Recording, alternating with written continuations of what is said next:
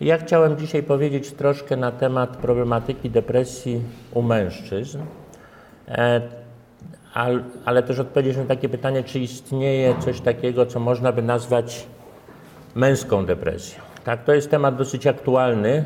Dużo osób na ten temat w tej chwili się wypowiada w różnych, w różnych mm, środkach masowego przekazu.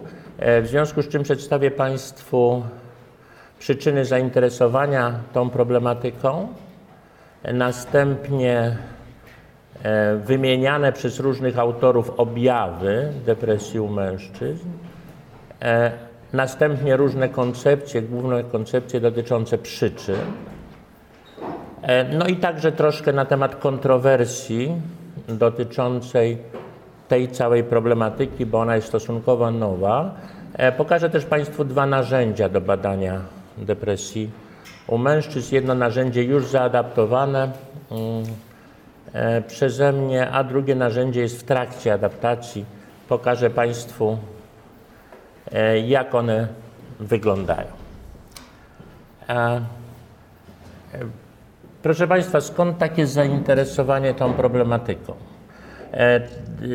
To zainteresowanie ma kilka przyczyn.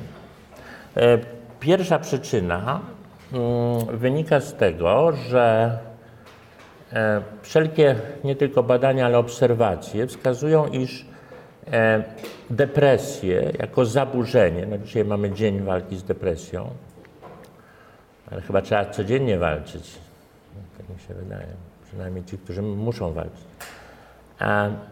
że depresję jako zaburzenie e, we wszystkich krajach praktycznie, pomimo różnic różnych kulturowych, znacząco częściej e, e, diagnozuje się u kobiet. Moglibyśmy powiedzieć, że tam 3 do 1 albo 4 do 1 kobiety częściej w różnych krajach chorują na depresję, to znaczy mają rozpoznanie depresji. Natomiast jeżeli porównamy wskaźniki samobójstw, samobójstw zakończonych śmiercią, to te wskaźniki we wszystkich krajach, prawie wszystkich, później powiem jakie są wyjątki, wskazują, iż mężczyźni podejmują samobójstwa zakończone śmiercią kilkakrotnie częściej niż kobiety, znaczy umierają w wyniku prób samobójczych. E, to jest w różnych krajach od 3 do 10 razy częściej. E, w Polsce to jest 6 razy częściej. To jest jeden z najwyższych wyników w ogóle na świecie. Czyli 6 razy częściej mężczyźni umierają w wyniku e, samobójstw niż kobiety. No skoro uważa się, że depresja jest jednym z głównych czynników ryzyka zachowań suicydalnych, podejmowania prób samobójczych, myśli samobójczych i zachowań, no to ta dysproporcja jest niepokojąca. Dlaczego u kobiet częściej jest depresja, a dlaczego u mężczyzn częściej, mężczyźni częściej umierają na, w wyniku samobójstwa? E, tutaj mamy różne dane. Mm, to są dane dosyć stare, ale innych w tej chwili jeszcze nie ma. Ja sprawdzałem niedawno. E, dotyczące z różnych lat, WHO, oczywiście Światowej Organizacji Zdrowia, wskaźników e, w krajach z lat, w których to było dostępne, wskaźników samobójstw zakończonych śmiercią u mężczyzn i u kobiet i ogółem. Jak Państwo widzicie, pierwsze kraje, które zajmują te pierwsze miejsca, to jest Białoruś, sześć razy częściej mężczyźni niż kobiety, Litwa, sześć razy częściej Rosja, Kazachstan, Węgry, Japonia, Ukraina tak dalej. Jak Państwo widzicie, w tych dziesięciu krajach pierwszych, które na świecie mają w ogóle najwyższe wskaźniki samobójstw, większość krajów to są kraje w których odbywała się albo się odbywa transformacja ustrojowa. To jest bardzo ciekawe, prawda? Poza praktycznie Japonią i Koreą Południową, no i Sri Lanką, to wszystko są kraje byłego Związku Radzieckiego albo kraje byłego obozu socjalistycznego i tak. E, Polska w tej klasyfikacji zajęła miejsce 19, ale jeżeli byśmy przyjęli wskaźnik samobójstw u mężczyzn, to to jest miejsce 11, czyli bardzo wysokie. Widzimy, że wskaźnik kobiet był tutaj bardzo niski. E, kobiet, które umierają w wyniku e, samobójstwa. E, jeżeli byśmy spojrzeli na nowsze dane, to są dane z kolei Unii, z Unii Europejskiej, to może na chwilę wstanę. No to zauważcie Państwo, tutaj mamy kraje tylko Unii Europejskiej i to są wskaźniki. Litwa to jest w ogóle fenomen, nie wiadomo dlaczego. E, dwa lata temu była taka konferencja suicydologiczna w Łodzi. Był tam pan profesor Wolfgang Rutz, czyli jeden z twórców koncepcji, o której ja dzisiaj chcę Państwu powiedzieć. I on mówił, że E, właśnie rządy Litwy, Łotwy, Białorusi ciągle zwracają się do niego z prośbą o to, żeby konsultował jakieś programy profilaktyczne, ponieważ istnieje w tych krajach zatrważająca liczba samobójstw. Państwo widzicie, to jest średnia unijna, tak? Tu oczywiście nie ma Białorusi ani tych innych krajów, ponieważ one nie należą do Unii Europejskiej, tak? To, to chodzi o kraje tylko Unii Europejskiej. Widzicie Państwo Litwa, Łotwa, e, Węgry, Słowenia i tak dalej, i tak dalej. E, no tutaj na tym tle, na tym tle Polska e, no tak się plasuje, widzimy, nie najwyżej, ale też znacznie po, powyżej średniej unijnej, która wynosi 11 przypadków śmierci na 100 tysięcy mieszkańców. W Polsce ten wskaźnik jest 16. 16, no oczywiście zaniżają tą średnią kraje typu Cypr, Grecja, Włochy, gdzie tych samobójstw jest bardzo mało. To są kraje nienależące do Unii, Szwajcaria i tak dalej, porównawczo pokazane. No i tu jeszcze jedne dane chciałem Państwu pokazać. To są dane dotyczące, o, też jeszcze dotyczące samobójstw w Polsce, e, które e, pochodzą ze statystyk policyjnych. Czyli może na stronie policji. Na tych statystykach policyjnych, ja jeszcze wczoraj sprawdzałem, nie ma jeszcze roku 2017. One się kończą na roku 2016. Czyli widzimy e, od roku 91, jakie są wskaźniki samobójstw, tak? jak mężczyźni i jak kobiety popełniały, popełniały samobójstwo. E, w roku 2015-16, tutaj te lata, to był w ogóle alarm. Alarmowano, specjaliści od zdrowia psychicznego alarmowali, że coś się fatalnego dzieje, ponieważ ta liczba samobójstw była najwyższa w ogóle w historii powojennej Polski. Ona przekraczała 6 tysięcy osób y, w, tym, y, w tych samych latach średnio około 3000 osób ginęło w wypadkach samochodowych, czyli śmiercią samobójczą kończyło życie 100% więcej osób niż w wypadkach przez cały rok. E, ta średnia nieco spadła. E, tutaj było 5600, tu 5400, e, ale zawsze 6 do 1 częściej mężczyźni niż kobiety to samobójstwo popełniały. Zobaczymy, jak będzie w roku 2017, ale mówię, tutaj było wiele różnych rzeczy alarmujących, że to są średnie, tutaj widzicie Państwo, były 3004, na przykład w roku 2008 prawie 4000 osób zmarło śmiercią samobójczą, a w roku 2014 ponad 5000 tylko samych mężczyzn zmarło. Tak? Czyli e, oczywiście można byłoby dyskutować, jakie są przyczyny takiego wzrostu. W każdym razie te średnie w ostatnich latach, pomimo tego spadku, nadal są najwyższe po II wojnie światowej. Nigdy takich nie było. Oczywiście tutaj trzeba wziąć pod uwagę jeszcze jedną kwestię, na co wszyscy zwracają uwagę, którzy się tą problematyką zajmują, a mianowicie, że to są dane policji. Dane GUS-u się nieco różnią, ponieważ to są dane policji, czyli to są dane, w których samobójstwo zostało stwierdzone i w których ktoś e, e, zmarł w wyniku próby samobójczej na miejscu. Rozumiemy, czyli, czyli ta średnia jest wyższa, bo jeżeli ktoś podjął próbę samobójczą, na przykład w wyniku zatrucia i został odwieziony do szpitala i następnego dnia zmarł, to on już tutaj nie jest umieszczony. To są osoby, które na miejscu zmarły w wyniku próby samobójczej. E, sytuacje, w których e, często występują, znaczy często, no, zdarzają się sytuacje niezrozumiałe zupełnie, jak ktoś jedzie samochodem na czystej drodze i uderza z całej siły w młody człowiek w drzewo i ginie, one mogą wy wyglądać na samobójstwo albo na zawał, ale nie wiemy, co to jest i to one też się oczywiście tutaj e, nie wliczają. Dlatego uważa się, że tych samobójstw rzeczywistych jest jeszcze więcej. Tutaj ciekawostka badania niemieckie. Zobaczcie Państwo, e, to są mężczyźni, a to są kobiety. Chociaż w Niemczech średnia samobójstw jest znacząco niższa niż w Polsce, ale widzimy, że praktycznie tylko u nastolatków e, to jest to samo, natomiast już od okresu dojrzewania wzrasta znacząco liczba mężczyzn podejmujących samobójstwo zakończone śmiercią i ona cały czas wzrasta, podczas kiedy u kobiet ta średnia bez względu na wiek praktycznie utrzymuje się na tym samym poziomie. To jest dramatyczny wzrost po 75 roku życia. Prawdopodobnie dużo osób zostaje sama. Jak wczoraj czytałem taki wywiad z profesorem Łozą i on mówi, nagrodą za to, że człowiek długo żyje, kiedyś był Alzheimer, teraz jest ciężka depresja. Dlatego ta, ten, ta zwyżka tutaj prawdopodobnie taka była wysoka. E, no dobrze, proszę Państwa, czyli to są, to są dane, takie, które, które możemy znaleźć e, w tym. No w związku z czym e, pierwsza przesłanka jest taka. Praktycznie we wszystkich krajach mężczyźni znacząco częściej umierają w wyniku samobójstw, kobiety częściej chorują na depresję. Częściej też podejmują próby samobójcze. Tak? Oczywiście to wszystko zależy od tego, w jaki sposób to samobójstwo się popełnia, tak? z jakim ryzykiem. Tak? Samobójstwo w postaci, próba samobójcza w postaci nadużycia leków jest inną próbą niż próba w postaci skoku z 12 piętra prawda, mm, z wieżowca.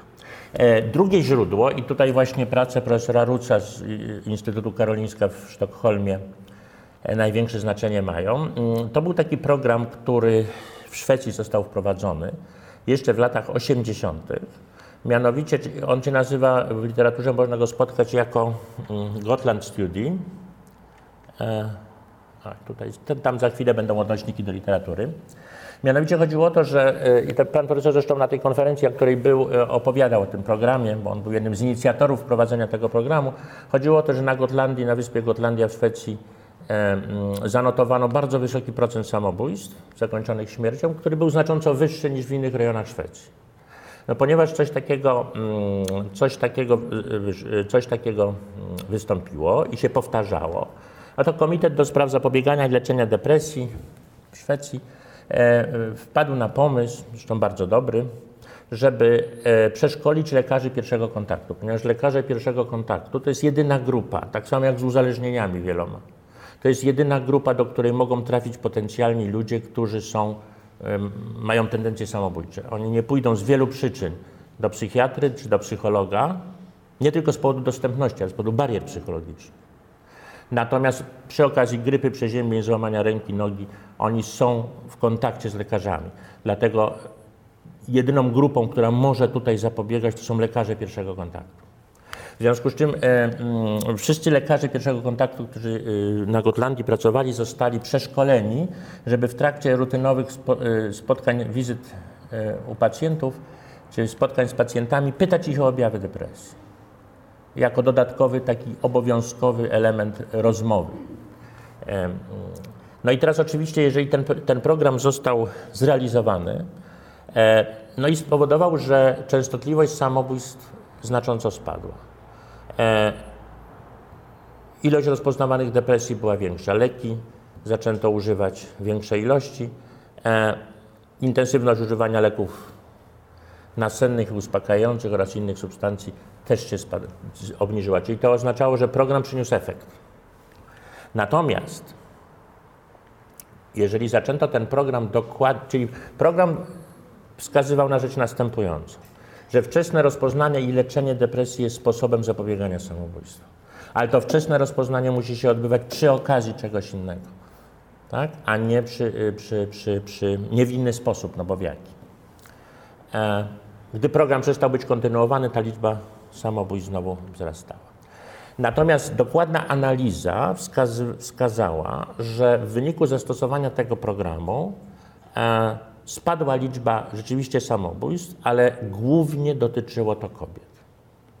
Czyli znowu chodzi o to, że mężczyźni, którzy mieli kontakt z lekarzami i których pytano o depresję, to mimo tych różnych interwencji i tak popełniali znacząco więcej samobójstw, ta liczba niewiele się zmniejszyła. Czyli ta ogólna liczba się zmniejszyła poprzez zmniejszenie liczby u kobiet.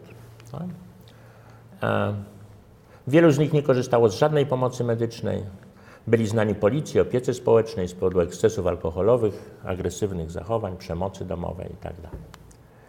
Tak Kiedy program powtórzono w latach 90., e, otrzymano te same rezultaty. Spadek samobójstw wystąpił u kobiet, ale nie u mężczyzn. Czyli analizując, mm, o właśnie tutaj mamy literaturę dotyczącą Rutsa i współpracowników, dotyczącą właśnie tego Gotland Study. Czyli, e, ci twórcy koncepcji doszli do wniosku takiego, że jedną z przyczyn tego stanu rzeczy może być to, że program był oparty na klasycznych objawach depresji. Czyli, że pytano ludzi o, czy jest ci smutno, nie masz ochoty czasem wstać, e, czy, czy chce ci się płakać, prawda? E, I że być może jest tak, że mężczyźni mieli inne objawy, o których ich nie zapytano. I dlatego u nich nie zdiagnozowano. I że być może, gdyby zwrócić uwagę na tamte objawy, te inne objawy, no to wtedy by się to jakoś tam udało, ale ich o to nie zapytano, a temu oni zaprzeczyli, czyli że nie wystąpiło to. Kolejne źródła, mm, kolejne źródła, tutaj mamy porównanie danych dotyczących ryzyka, e, metaanaliza dotycząca ryzyka występowania depresji i zachowań samobójczych. Jak Państwo widzicie, te e, przyczyny u obu płci w badaniach prowadzonych w różnych krajach różnią się znacząco. Oczywiście niski status socjoekonomiczny jest pierwszą przyczyną, ale u mężczyzn taką przyczyną depresji, tendencji samobójczych jest samotność, czego nie ma u kobiet. Jest rozwód, czego też nie ma, bezrobocie, czego nie ma, problemy zawodowe, znaczny spadek statusu zawodowego, finansowego, czego nie ma, pobyt w więzieniu, chroniczna choroba i orientacja homoseksualna jest czynnikiem ryzyka.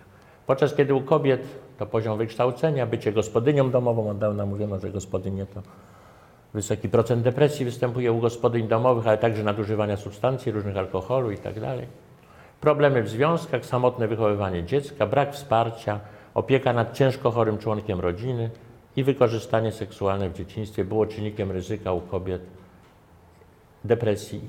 Czyli znowu, te czynniki ryzyka, jak wiele różnych badań na świecie pokazuje, różnią się znacząco. Czyli mamy coraz więcej różnic. No, no i wreszcie różne badania, które prowadzono dodatkowo E, na przykład sposoby radzenia sobie z przykrymi emocjami, w jaki sposób sobie radzą kobiety i mężczyźni. Prawda? Mężczyźni w takich sytuacjach, też metaanaliza badań, mm, znacznie częściej używają substancji psychoaktywnych, podejmują różne zachowania ryzykowne, stają się drażliwi albo całkowicie się wycofują. Istnieje związek, nie w każdym kraju, co wybitny badacz Sher, Sher wykazał, że istnieje związek ujemny pomiędzy wysokością dochodu na mieszkańca kraju z zachowaniami samobójczymi u mężczyzn, co nie występuje u kobiet. Znaczy, że czym niższy ten dochód, tym więcej samobójstw podejmują mężczyźni. U kobiet nie ma takiej zależności. A mężczyźni, i to, te dane to są jednoznaczne, e, także policyjne, znacząco częściej niż kobiety popełniają samobójstwa, będąc pod wpływem alkoholu i narkotyków. E, tendencje suicydalne u nich są. Niedawno było takie badanie na Słowenii, bodajże tam 80 czy 90, nie chcę podać, bo nie pamiętam, procent osób, które popełniło samobójstwo, a bardzo dużo popełnia samobójstwo w tym kraju, mężczyzn, to byli mężczyźni, u których e, wykryto we krwi wysokie stężenie alkoholu albo innych narkotyków, czyli oni użyli e, tych substancji przed popełnieniem samobójstwa zakończonego śmiercią. U kobiet takie zjawisko znacząco rzadziej występuje. E, to, na co wszyscy zwracają uwagę, pomimo kontrowersji, o których sobie później tutaj troszkę powiemy, e, to jest to, że mężczyźni znacząco rzadziej przed dokonaniem samobójstwa poszukują pomocy. Nie tylko ze strony placówek od zdrowia psychicznego, ale w ogóle. Także komunikując swój stan od nawet najbliższym. No. Dlatego samobójstwo mężczyzn jest często szokiem dla najbliższych. Ono tak było mocno ukrywane, że tych sygnałów, o których się mówi, że osoby samobójcze z reguły wysyłają, było stosunkowo mało, albo jeżeli one były, to były do jakichś kolegów, ale nie były nawet do najbliższych osób, do żony, dzieci wysyłane. Tak? Podczas kiedy u kobiet jest to zupełnie inaczej. E, kolejna rzecz taka istotna, że jeżeli e, założymy, że przychodzi przychodzi mm, ktoś do lekarza i mówi o objawach takich klasycznie depresyjnych, to jeżeli przychodzą kobiety, one częściej są, zakłada się, że mogą mieć depresję niż mężczyźni. Tak? Czyli lekarze pierwszego kontaktu znacznie mają mniejszą świadomość odnośnie możliwości depresji u mężczyzn. Znaczy, lekarze pierwszego kontaktu szukaliby bardziej u mężczyzn przyczyn jakichś somatycznych, a u kobiet bardziej psychologicznych, kiedy są te same objawy, na przykład nieokreślone dolegliwości somatyczne. A, no właśnie. No i wreszcie, proszę Państwa, ostatnia taka e, przesłanka. Mm, e, to są bardzo ciekawe, e, jeżeli kogoś to interesuje, może sobie ten artykuł, on jest open access, ściągnąć i przeczytać. Z roku 2012 to były takie pogłębione wywiady, które pani Clary mm, przeprowadziła z osobami, które miały za sobą, z mężczyznami, 52 młodymi mężczyznami, którzy mieli za sobą taką bardzo poważną próbę samobójczą, czyli taką próbę, w której istniało bardzo wysokie ryzyko e, śmierci, ale przeżyli, prawda? E, no i te wywiady mm, e, mm, wskazały, że ci mężczyźni mówili, że przed podjęciem decyzji o samobójstwie doświadczali przede wszystkim bardzo dłuższego psychicznego cierpienia.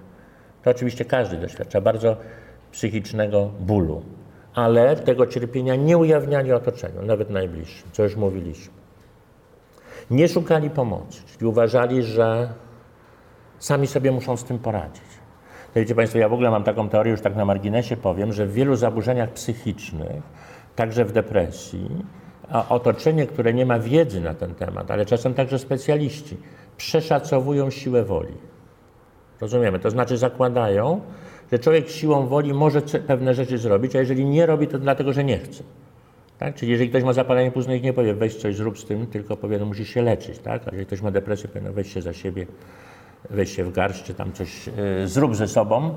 E, tak jakby ta osoba mogła to zrobić, a nie chciała. Tak? Czyli jakby ta osoba miała możliwość, jakby, jakby to od jej siły woli zależało, czy ona to pokona, czy nie, podczas kiedy wiemy, że to nie zależy od tego. To jest przeszacowanie siły woli. W innych chorobach no, nikt nie oczekuje, że ktoś cukrzycę pokona silną wolą. Tak? Że będzie się na siłę zmuszał do wstawania, do uśmiechania się wbrew temu, co czuje, do udawania na zewnątrz i tak dalej. Takie udawanie bardzo dużo kosztuje, jest niezwykle wysoki koszt psychologiczny. No więc, żeby sobie z tym kosztem radzić, to ci mężczyźni najczęściej używali alkoholu albo narkotyków. Co oczywiście w dalszej perspektywie jeszcze bardziej pogarszało ich samopoczucie, no i doprowadzało do sytuacji tego zawężenia poznawczego, w którym śmierć się wydaje jedynym wyjściem przerwania tego bólu, który staje się nie do zniesienia. Prawda? Autorka nazwała to, że taki sposób reagowania na cierpienie psychiczne jest zdecydowanie bardziej typowy dla mężczyzn. Kobiety raczej szukają wsparcia, rozmawiają z bliskimi, z koleżankami, próbują iść do lekarza, próbują coś z tym zrobić i tak dalej, natomiast nie oczekują, że same bez żadnej innej pomocy ze sobie, sobie z tym poradzą. Być może dlatego te wskaźniki tak się różnią. No i teraz, proszę Państwa, różne opinie. Także to, że depresja jako przedmiot badań naukowych, no ja próbuję takie badania robić, także z magistrantami u siebie nad depresją u mężczyzn. Hmm Znacznie częściej bada się depresję u kobiet w stosunku 2,1, 3 do 1 niż. Oczywiście, jeżeli ktoś chciałby znowu pogłębić sobie wiedzę, to w języku polskim wyszła książka pod redakcją pani profesor Dominiki Dudek dwa lata temu. Psychiatria pod krawatem. Sam tytuł mówi, wiemy o co chodzi, tak? Chodzi o to, o zaburzenia psychiczne, które występują u mężczyzn znacząco częściej albo są bardziej dolegliwe. E, niż u kobiet. I tam o męskiej depresji także sporo jest. No dobrze, proszę Państwa, to teraz jakie byłyby objawy e, tak rozumianej atypowej depresji, bo to jest atypowe, atypowa. Oczywiście ja później powiem, że to nie znaczy, że wszyscy mężczyźni mają taką, a nie inną, tak? Są mężczyźni, którzy mają klasyczną. Chodzi tylko, że istnieje pewna grupa osób, u których być może depresja manifestuje się inaczej. Tak jak wiemy, że istnieje grupa osób, u których depresja manifestuje się w sposób maskowany, prawda? Wiemy, tak? Wie, wiecie Państwo, są osoby, u których depresja się manifestuje pod postacią dolegliwości somatycznych głównie. Tak? Są nieokreślone bóle, bezsenność i różne inne rzeczy. Ludzie robią ogromną ilość badań, te badania nic nie wykazują. Często podanie im leków antydepresyjnych rozwiązuje ich problem. To znaczy, że depresja była tego, natomiast oni nie zgłaszają klasycznych objawów depresyjnych w postaci smutku, poczucia beznadziei, anhedonii i wielu innych. Tak? Więc być może jest też taki rodzaj atypowej depresji, która występuje u części mężczyzn.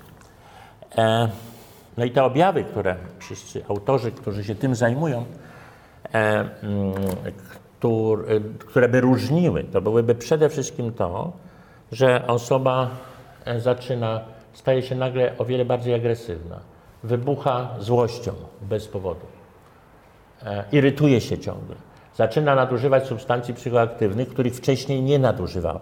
Bo proszę Państwa, tutaj istotna sprawa jest taka, żebyśmy nie pomyśleli, bo to byłoby całkowicie błędne, że każda osoba, która nadużywa alkoholu ma depresję męską. Rozumiemy? Chodzi o to, że następuje zmiana w zachowaniu, a nie, że ktoś jest taki na stałe, tak? Że ktoś nagle dobrze funkcjonujący nagle zaczyna inaczej zupełnie funkcjonować. E, to jest podejmowanie zachowań ryzykownych, które wcześniej nie były podejmowane, a więc na przykład przepracowywanie się, nadaktywność fizyczna, stosowanie jakichś wyniszczających ćwiczeń fizycznych, które nas ni, ni, stąd, ni zowąd ktoś zaczął e, stosować, a wcześniej nie. E, ryzykowna jazda samochodem, przypadkowe podejmowanie przypadkowych, ryzykownych kontaktów seksualnych i tak dalej, których wcześniej nie było. To nie jest osobowość, że ktoś ma osobowość dysocjalną, prawda? Czy tam wysokie zapotrzebowanie na stymulację i tak robi, tylko on taki nie był. To jest y, duży spadek odporności na stres. Są takie objawy wypalenia, poczucie presji, zmęczenia. E, to jest wycofanie się z relacją z rodziną. To jest takie hasło, zostawcie mnie w spokoju. Tak, zostawcie mnie wszyscy w spokoju, muszę chwilę odreagować, muszę pobyć sam, nie interesują mnie te problemy, bo one stanowią, te rodzinne, bo one stanowią kolejne obciążenie, tak? czyli kolejne dodanie pewnego obciążenia do rzeczy, która już jest sama w sobie bardzo dużym obciążeniem. Hmm. Natomiast smutek, poczucie winy, bezradność, beznadziejność, płaczliwość występuje znacząco rzadziej, dlatego jest to często mm, niewidoczne. E, oczywiście tacy mężczyźni znacząco silniej niż wcześniej, a w ogóle tłumią przykre emocje. Cierpią na dolegliwości somatyczne nieokreślone, bezsenność. No i tak jak mówię, to co, co jest najważniejsze, że te dolegliwości są istotną zmianą w zachowaniu, czyli one na coś wskazują. Oczywiście często takie osoby pytane mówią, że nic się nie dzieje, albo że są przejściowe problemy, z którymi sobie poradzą, tylko trzeba czasu ale nie będą o tych mówić, bo nie chcą jeszcze kogoś dodatkowo obciążać. Z takim pacjentem kiedyś rozmawiam, mówię, ja mówię, pan mówił o tym żonie? On mówi, nie, że ona ma swoich tyle problemów, że nie chciałem ją jeszcze dodatkowo moimi problemami. Założyłem, że sam sobie z nimi powinienem hmm, poradzić. No właśnie. E, proszę Państwa, jeśli chodzi o metody badania, powstało kilka narzędzi. Ja ich nie będę na, e, tutaj omawiał. Jest mój artykuł na ten temat e, w czasopiśmie Psychiatria, Psychologia Kliniczna i postępy psychiatrii i neurologii, e, więc nie będę omawiał, chciałem tylko pokazać dwa takie narzędzia, mianowicie skalę Gotland, to jest ta skala, no nazwa jest od tego programu, skala Rutsa i współpracowników, która została już zaadoptowana i w ubiegłym roku w czasopiśmie Postępy Psychiatrii i Neurologii jest mój artykuł na temat właśnie adaptacji tego narzędzia i skala pani profesor Miller, Miller Like Miller z Monachium, GSDS, która jest w trakcie w tej chwili adaptacji. E, pokażę, jak one wyglądają. To jest skala Gotland. Skala Gotland jest najbardziej znanym narzędziem. Jest przetłumaczona na bardzo wiele języków, jest zaadaptowana w wielu krajach, także w różnych innych kulturach, na przykład jest w Chinach zaadaptowana, prawda, i w Japonii i tak dalej. E, w ciągu ostatniego miesiąca byłem bardziej zestresowany, bardziej agresywny, miałem trudności w panowaniu nad sobą, czułem się wypalony, niewytłumaczalnie zmęczony, rozdrażniony, niespokojny, problemy ze snem, spałem za dużo, za mało. Miałem uczucie lęku, rano, niepokoju, trwogi. To jest objaw klasyczny depresyjny. Tutaj jest połączenie tych objawów męskich z takimi klasycznymi. Rozumiem, to nie są wszystkie takie teatypowe. Ale spożywałem nadmierną ilość alkoholu lub leków, wyżywałem się w ciężkiej i niespokojnej pracy, przejadałem się. Czy zachowanie się zmieniło? że inni spostrzegają jako ponurego, pełnego negatywizmu? Czy stwierdza Pan, że ma Pan tendencję do większego użalania się nad sobą lub czucia bycia żałosnym? Tak? I ostatnie pytanie, czy w rodzinie pochodzenia istniała jakaś tendencja? To pytanie oczywiście najsłabiej koreluje, ale zostawiliśmy to pytanie, no bo w oryginale też jest, ale z całą skalą jego związek jest najsłabszy. No i tutaj mamy wyniki prawda, skala distresu, skala depresji męskiej, wynik powyżej 12, do 12 punktów, podobnie jak w beku, to jest brak depresji 13-26, możliwa powyżej 27 punktów, to to już jest depresja, która się tak przejawia. Co ciekawe, skala e, bardzo wysoko koreluje ze skalą BD i BK, ale jednocześnie różne inne wyniki wskazują na jej odrębność, że to nie jest ta, ta sama skala, bo gdyby to była ta sama, no to po co tworzyć nowe, nowe narzędzie.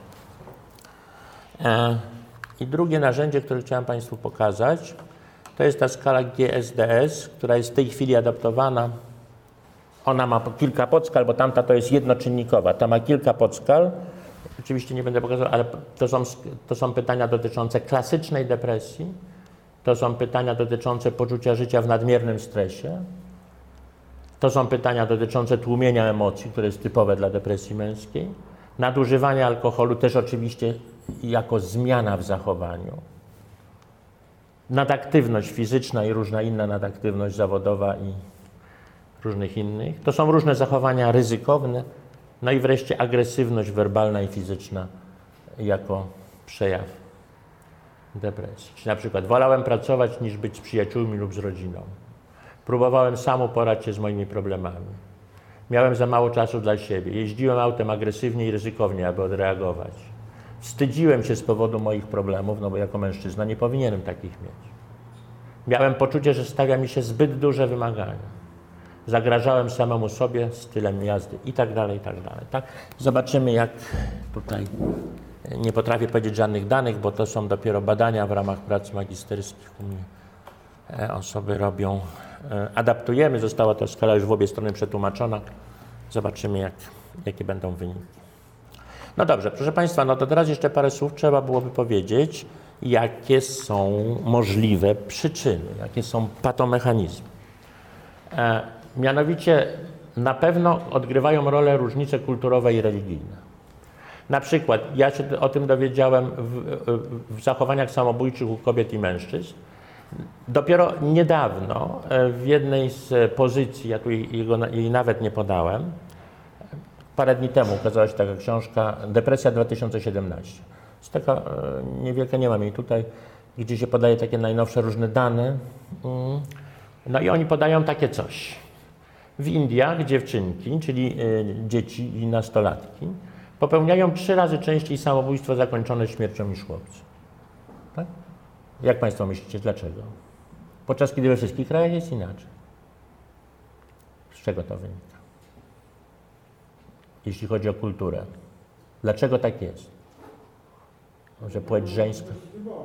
Słucham? Mają bardzo ograniczone możliwości wyboru dotyczące Tak, dokładnie, dokładnie. Wszyscy czekają na potomka płci męskiej, prawda? Dziewczynki praktycznie nie mają żadnych możliwości. Tak? No więc istnieją jakieś wzorce kulturowe, które wskazują, że tak jest. Procent samobójstw kobiet na 100 tysięcy mieszkańców w Indiach jest prawie najwyższy. Y, jest tylko jeden kraj, który przewyższa i tamten stosunek jest 1 do 2 bodajże i tak dalej, a w Polsce jest 1 do 6. Rozumiemy. Czyli bardzo dużo kobiet w Indiach popełnia samobójstwo, prawie tyle samo co mężczyzn, podczas kiedy w innych krajach jak nie jest. Więc muszą być jakieś wzorce kulturowe, prawda, które wpływają. Wzorce religijne. Jeżeli się analizuje na przykład e, funkcjonowanie muzułmanów w krajach muzułmańskich, to właśnie to są dane z tej książki najnowsze, ale zarówno w krajach muzułmańskich, jak i na przykład w Stanach Zjednoczonych, to wskaźniki samobójstw wśród muzułmanów są najniższe ze wszystkich e, grup religijnych. Rozumiemy? Samobójstw takich, o jakich tu mówimy, nie samobójstw, że ktoś tam, rozumiemy, popełnia zamach samobójczy w postaci ataku na innych ludzi, tylko o samobójstwa z rozpaczy, z depresji itd. Tak w Stanach Zjednoczonych najmniej samobójstw popełniają osoby, które mają, są wyzwania, wyznania muzułmańskiego.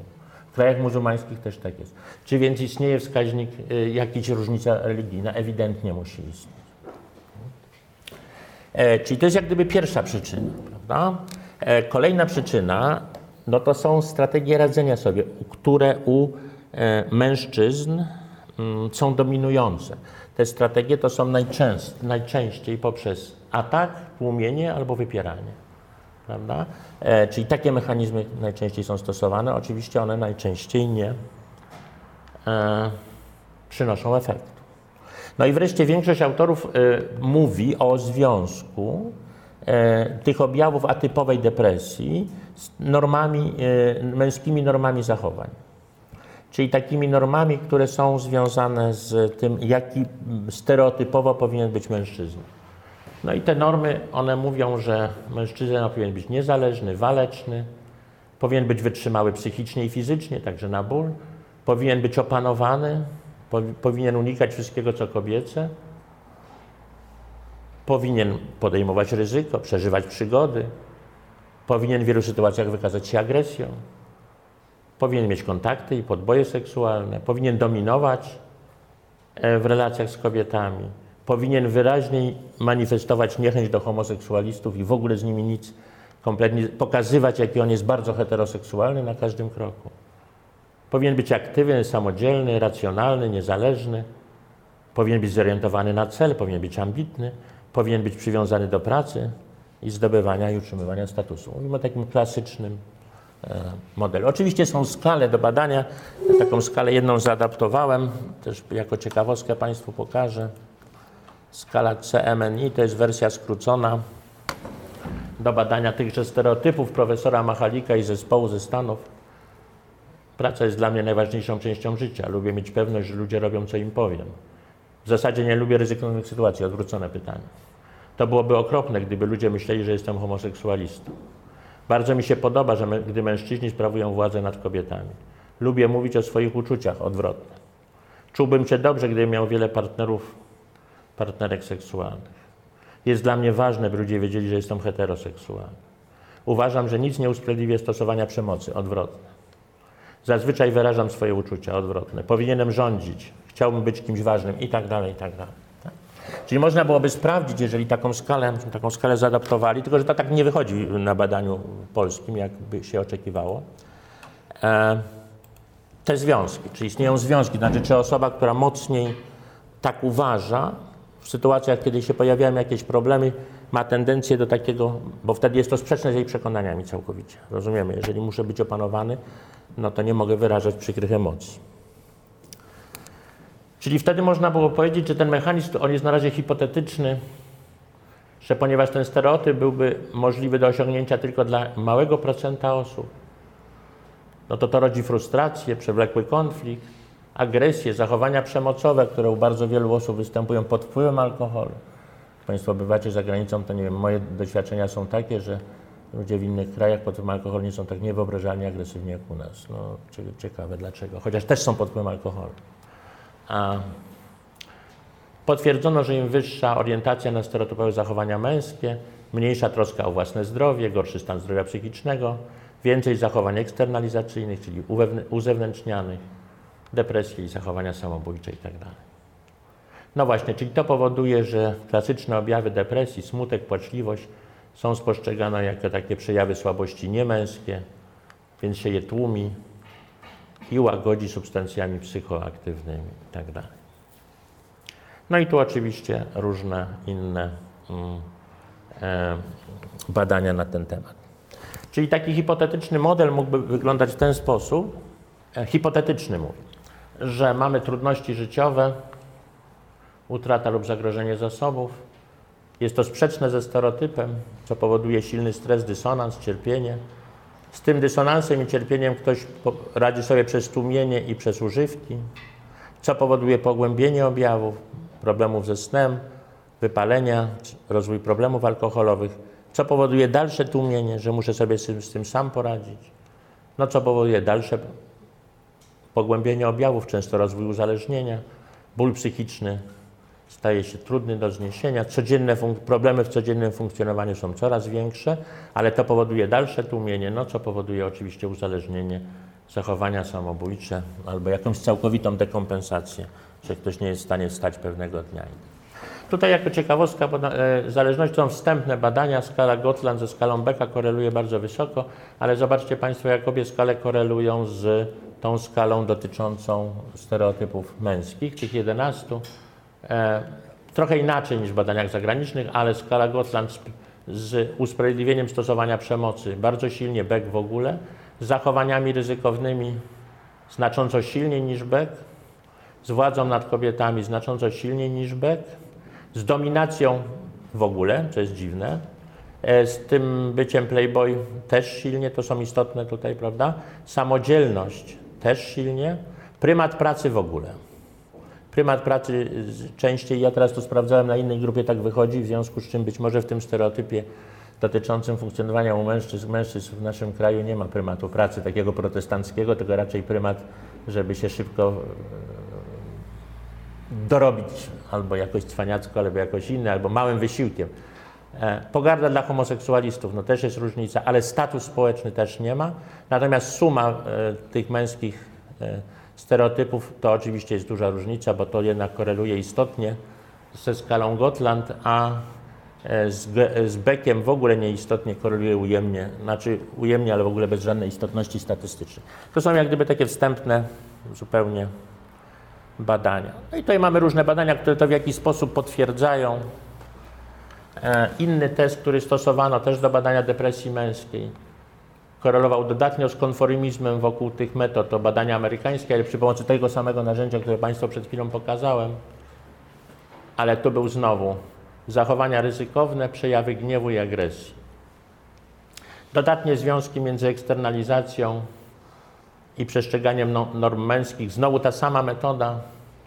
I druga metoda do badania ról męskich, której w Polsce nie ma zaadaptowanej, a Beck znowu tutaj nie korelował. No. Y, Badania, na które profesor Miller się y, mm, powołu- powołuje, takie eksperymentalne badania, że u mężczyzn, którzy, których, którzy odbierali sytuację w warunkach eksperymentalnych, pokazaną jako zagrażającą ich statusowi, na przykład, że nagle tracą swoje materialne zasoby, zaobserwowano znaczący wyrzut kortyzolu i testosteronu, to są strategie, stresu i walki. U kobiet takiego czegoś nie było, czyli jak gdyby to byłoby także atawistyczny jakiś taki e, mechanizm, który by się ujawniał os, e.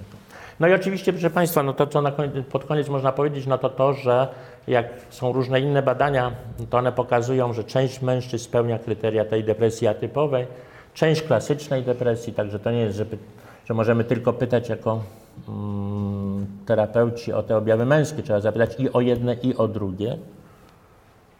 Ale ci, którzy wyznawają te sztywne normy męskości częściej niż inni, uważali, że złość i agresja jest przejawem depresji.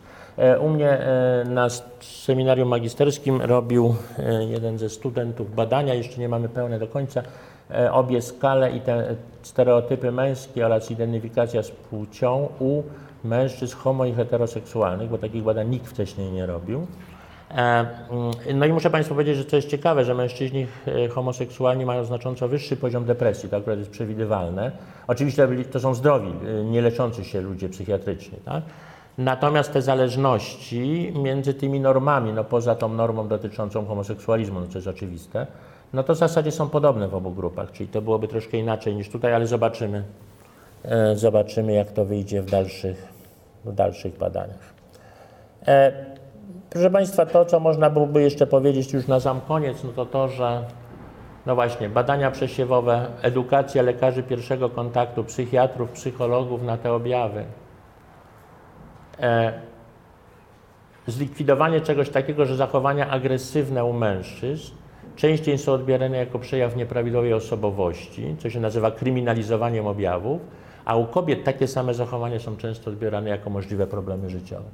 Rozumiemy, czyli mężczyzna, który przyszedł i mówi, że jest agresywny i tak dalej, no to ktoś może sobie od pomyśleć, że ma cechy aspołeczne, czy stosuje przemoc, a mniej osób pomyśli, że, że to może być przejaw depresji, podczas kiedy u kobiet, że ona tak się zachowuje, znaczy coś jest nie tak w jej życiu, tak? Chociaż objawy są te same, to jednak z innym, więc chodziłoby o to, żeby to się w jakiś sposób zmieniło. Czy w trakcie terapii depresji u mężczyzn podejmować pracę, jak tu jeden z autorów terapeutów amerykańskich sugeruje, z przekonaniami dotyczącymi stereotypowych ról i zachowań męskich? Tak? Różne kampanie, w Stanach była taka kampania na, na początku XXI wieku, realny mężczyzna, realna depresja, żeby podnieść wiedzę, świadomość społeczną, diagnozowanie, wydawano broszury, była emisja filmów, programów informacyjnych, między innymi informowano o przebiegu i objawach depresji u mężczyzn, plusach i minusach podjęcia psychoterapii, farmakoterapii, Wiele osób ma na ten temat bardzo nikłe zdanie. Uważa na przykład, że leki to w ogóle uzależniają antydepresyjne i że w ogóle zmieniają człowieka, jakiś zombie powstaje i tak dalej. E, ogromne zainteresowanie. Mm, bardzo dużo osób e, w tym e, to oglądało, wchodziło na strony, zbierało materiały i tak dalej. I tak dalej. E, sekundka, jeszcze ostatnia rzecz, to już nie jest zupełnie to. O właśnie, tutaj na końcu wypowiedzi y, profesora Łoży, jeden z bardziej znanych psychiatrów polskich z Warszawskiego Uniwersytetu Medycznego, e, z wywiadu, który niedawno mm, z nim prowadzono. Na stany depresyjne kobiety zapadają dwa razy częściej, ale to liczba mężczyzn popełniających samobójstwa jest kilkakrotnie wyższa. Jak wyjaśnić tę zależność? Odpowiada, depresja mężczyzn wyraża się bardziej behawioralnie, przez działanie i mobilizację. Depresja kobiet bardziej emocjonalnie, smutkiem, bezradnością. Istotna różnica w częstości samobójstw mężczyzn i kobiet jest zjawiskiem wtórnym do tych mechanizmów. Z tych samych powodów liczba samobójstw, które nie zakończyły się śmiercią, jest z kolei większa wśród kobiet. W Polsce różnica samobójstw mężczyzn do kobiet należy do największych na świecie, 6 do 1, co jest wynikiem właśnie tych wzorców męskich kulturowych. No i on, i drugie pytanie, które mi się wydawało ważne, porozmawiajmy o dzieciach. Na depresję w naszym kraju leczy się prawie 8 tysięcy, leczy się ich prawie 8 tysięcy. Policyjne statystyki są wstrząsające. W 2015 177 dzieci popełniło samobójstwo. No? Depresja nie jest zjawiskiem mechanicznym i biochemicznym. Emocje i przekonania depresyjne rozwijają się w czasie. Tak zwana depresja anaklityczna u niemowląt wynika z deprywacji potrzeb, głównie emocjonalnych. Depresyjne matki wychowują depresyjne córki. Dzielą się z nimi najpierw niewiarą w sens życia i miłości, a potem lekami psychiatrycznymi. Z czasem do przyczyn dołączają się toksyczne wzorce cywilizacyjne, szkolne, rywalizacja, wykluczenia.